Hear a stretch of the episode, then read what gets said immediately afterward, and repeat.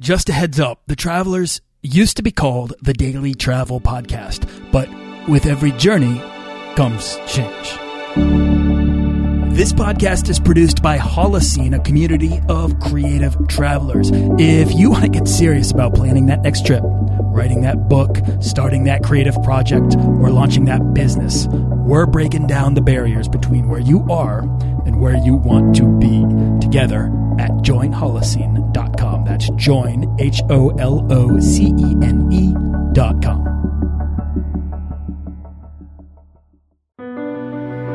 This is episode 21 with Zero to Travel's Jason Moore. Do you want to travel further and more often to visit new places and meet new people and expand the role that travel plays in your life?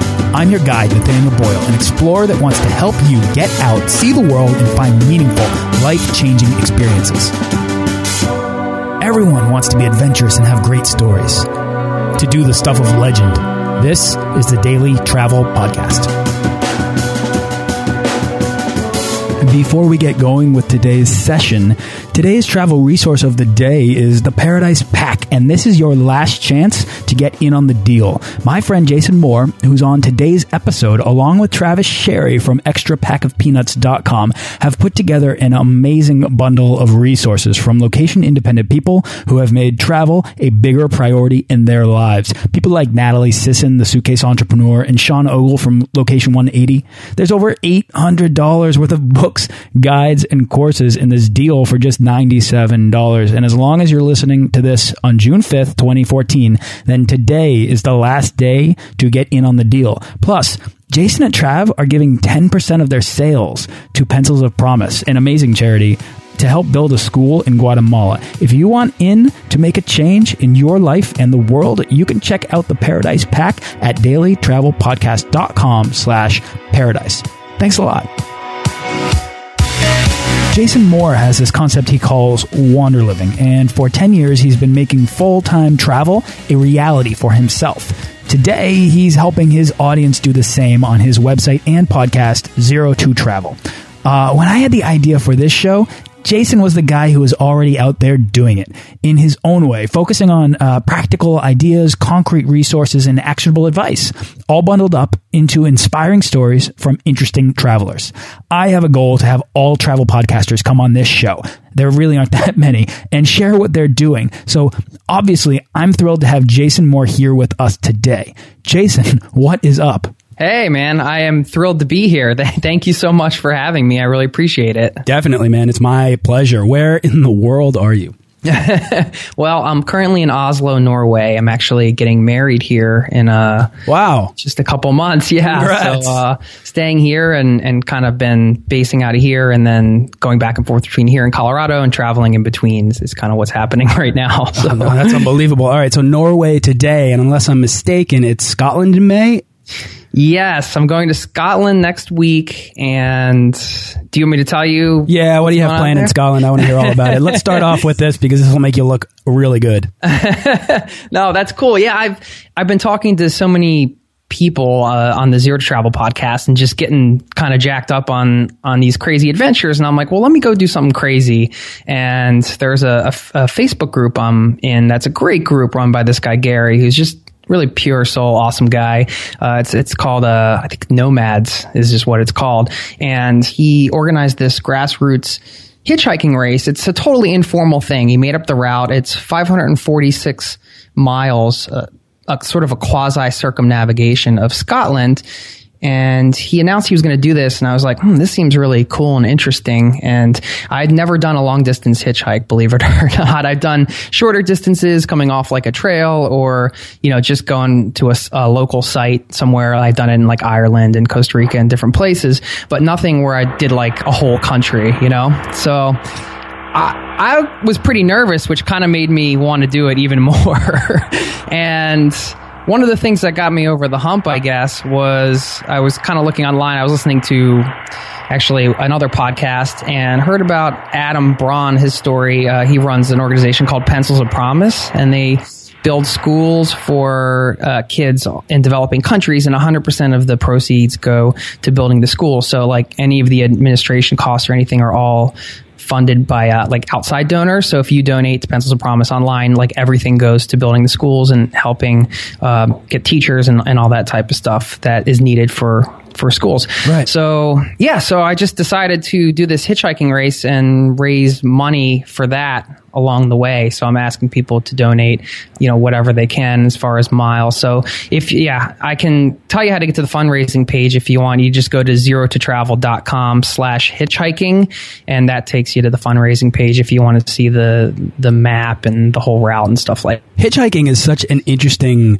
uh, way to you know set an example of yourself and challenge yourself and get out there. Now you said you have experience hitchhiking, but not long distance hitchhiking. Um, I, am not I'm not sure a lot of people do have long distance hitchhiking experience. I mean, that's for the like, perhaps the really extreme people that are really confident with uh, with the with with what they have to do in order to get out there and get where they're going. But yeah, I don't know. I'm a little nervous. Yeah, a buddy of mine was saying uh, he told me like four different hitchhiking stories, and and a couple of them weren't weren't so great. I, I guess I've watched too many horror movies or something. I don't know. That's you know, it. like, yeah, you see that bad movie from the '80s, The Hitcher, where like you know people are getting dragged behind cars and stuff. I'm like, oh no. Ninety nine percent of the time, that doesn't happen, and you get where you're going. Every once in a while, you know, you might get somebody that gives you a stern talking to. Stop hitchhiking, kid. Um, yeah, totally. I really believe like people are good uh, generally, and I, I think it's going to be uh, great. But I, I'm still a little nervous, and that's part of the reason I'm doing it because I want to get out of the comfort zone. You know, So- Exactly. I mean, that's completely what this this show's message is all about. Is really encouraging people to take that step out of their comfort zone into the unknown and experience kind of the best version of themselves that they become when they challenge themselves in that way, when they put themselves in these uncomfortable positions.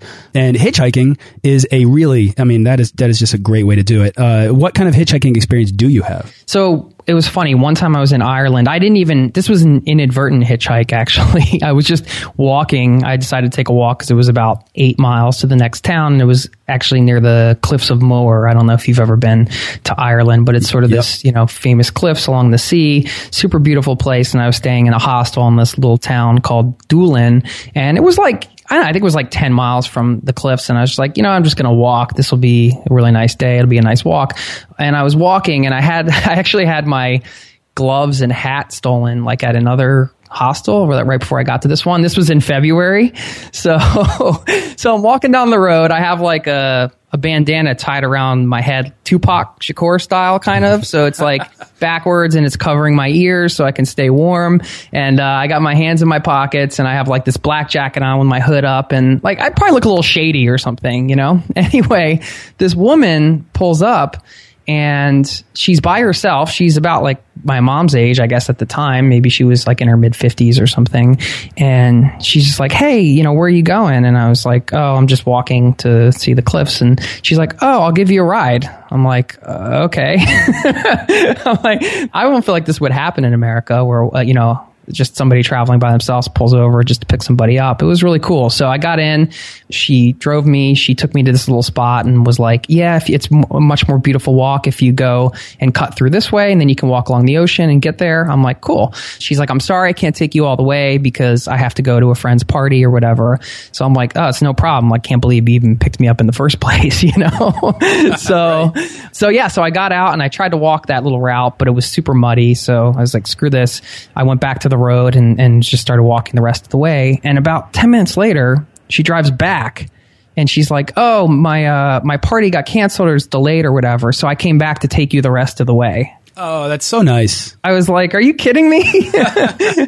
That's so cool." That's so, nice. And you run into these people. I mean, honestly, the best stories happen to us unexpectedly, just like that. And that's why this story right here that you're telling is an interesting one. And not only that, it, it involved another person. It's the people we meet on the road that really create these amazing, really like mind shift experiences.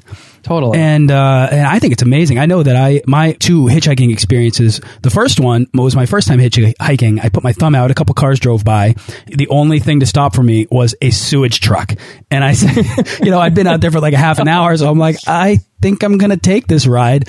So I hop in this nasty sewage truck. It's this old, like red, beat up sewage. It smells rancid.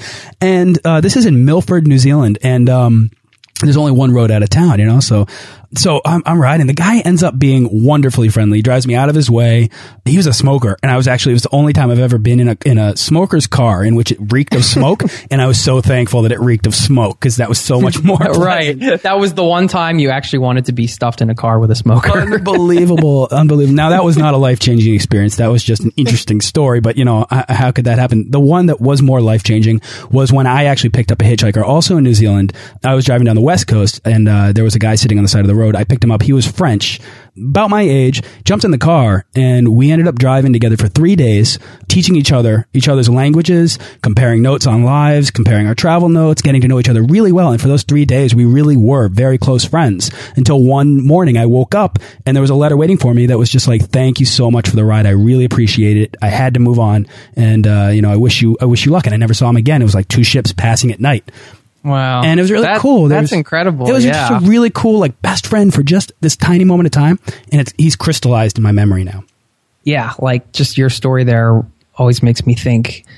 You know these connections you make when you're traveling. Sometimes does the length of time that you're, you know, somebody really matter? You know what I mean? Like the closeness you built with that person over three days could be almost equal to some people. Not to compare it, but you know what I mean. You can just make these deep connections in such a short period of time. It's incredible. It's a really unique experience, unique to the road, right?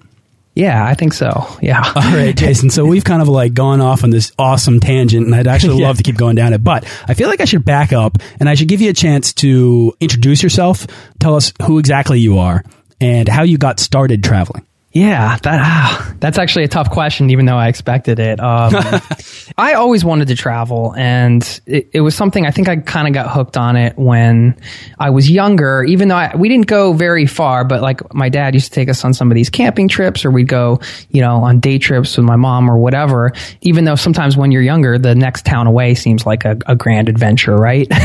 so I went to school at Penn State, and I grew up outside of Philadelphia. And at that point, you know, uh, friends of mine started studying abroad. I'm like, man, this is so cool. But for some reason, I don't know, I didn't think it seemed so out of reach because for whatever, I had all these student loans and, you know, I suppose I could have taken loans out on it, but I just, I wasn't making the connection for some reason. I would encourage anybody listening, if they don't think they can study abroad, to at least look into it. I feel like I was intimidated. I just didn't think it was a possibility when actually, I think if I you know looked into it a bit more i could have seen that it was. But anyway i saw my friends coming back from these trips and i'm like man this is just i want to do this you know?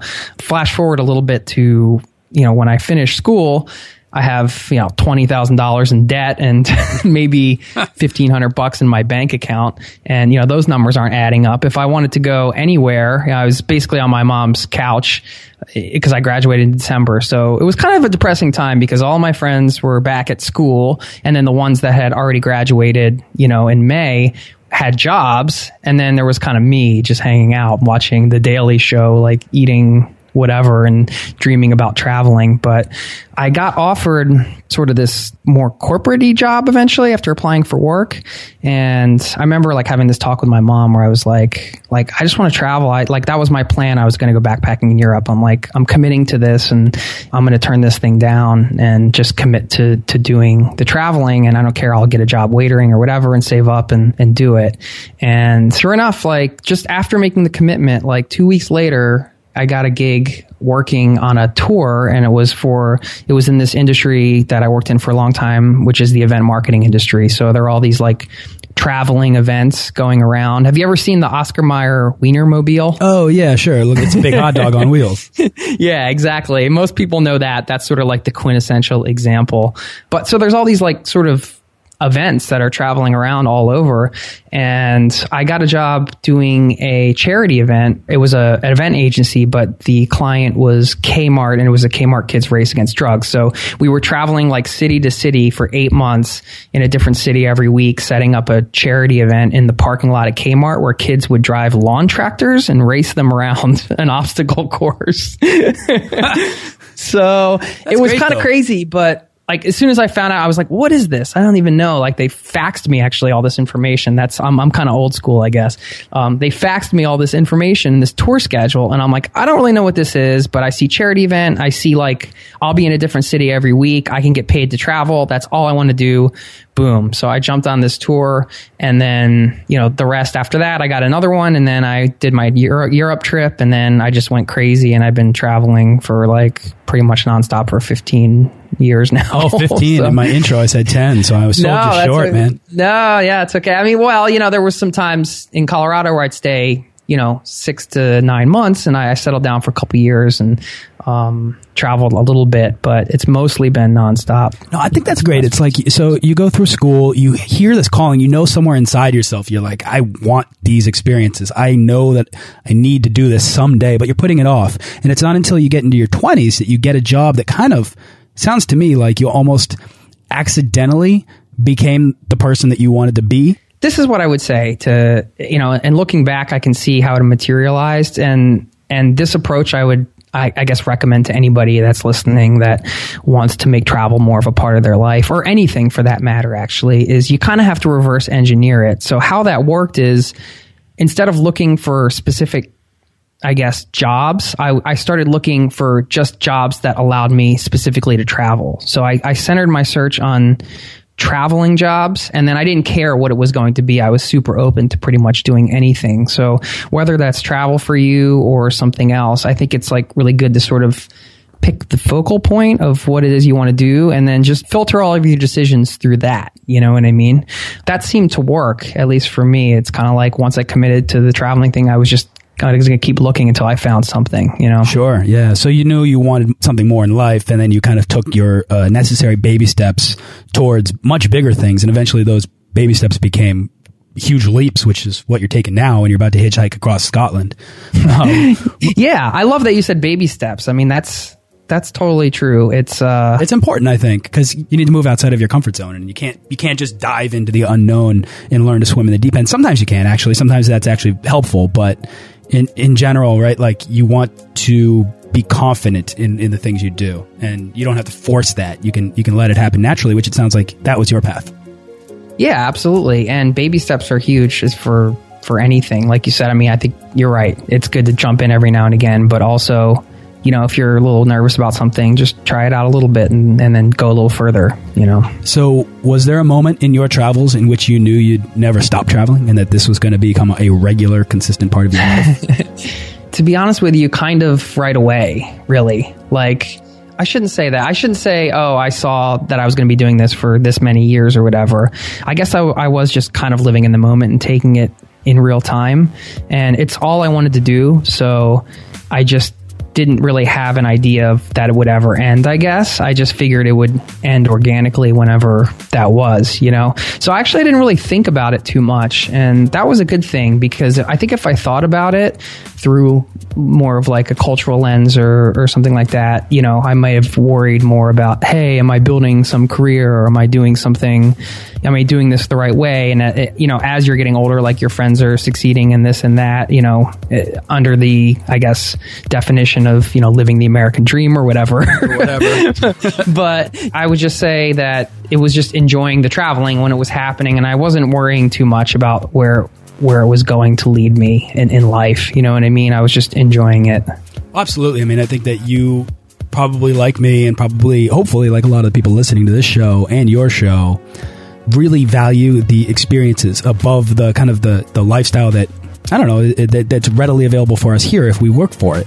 I I think that's because it just kind of boils down to uh, time and how we optimize our time because time is what the most valuable commodity there is, right? So being on the road, I feel like I think it was something like. Um, Rolf Potts said this, or I don't actually have the quote on me, but it's something to the effect of when you're on the road, that time seems so much more valuable. And yet, if you if you're you know you're only afforded two weeks, two weeks of time in which you can go and travel and experience the best time, that's unacceptable. We have to find ways to make that time more readily available for ourselves, so that we can live a more enriched life. I think because it just comes down to optimizing the amount of experiences that you can have.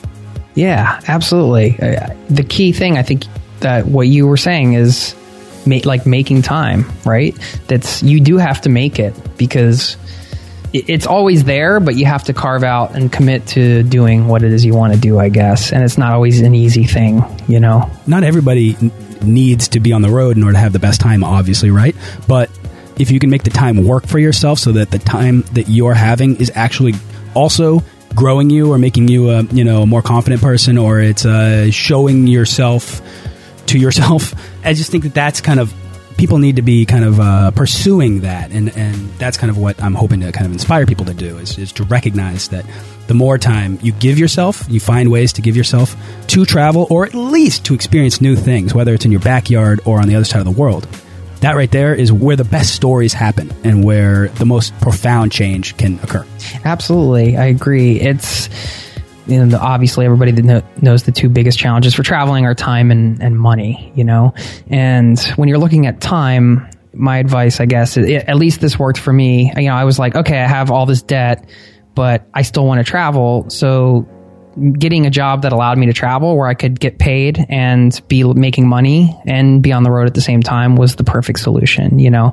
Um, so I think as, as you go on in life at different times in your life, you know, if you want to travel with kids or whatever, I mean, there's going to be different solutions that suit you at that time. You know what I mean? But the space you give yourself, like you said, is, is huge because it's hard to measure what you're going to get out of a trip because there's no, it's not like I'm going to do this for a month and then at the end of the month I'm going to have this amount of money or whatever. But when you go on a trip for a month, you're just going on a trip, but you can't really measure what you're going to get from that trip, you know, as far as your, your, I guess, mental health or just, you know, what kind of insights you're going to have about yourself or whatever. You know what I mean? absolutely. I mean, uh, we talk a lot on the show about travel as therapy, whether or not you kind of realize that it is or it can be. Um, and maybe it doesn't heal anything or everything, but it can still be super valuable to you as a person. And uh, uh, just because you can put yourself in these experiences and then you can see what you're capable of and derive confidence, derive perspective, derive all these amazing things from them that really can uh,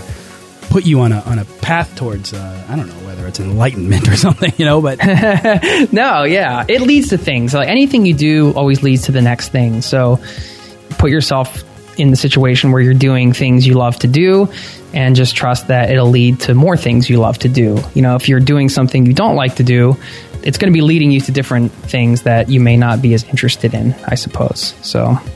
You've been listening to the first part of an inspiring conversation with Jason Moore from the Zero to Travel podcast. Tune in to the next episode for Jason's best travel advice. Thanks for listening to this episode of the Daily Travel Podcast. For show notes and links to everything in this episode and more, head on over to dailytravelpodcast.com. Join our Facebook page of explorers and subscribe to our newsletter for the best deals and resources to help make your next trip life changing.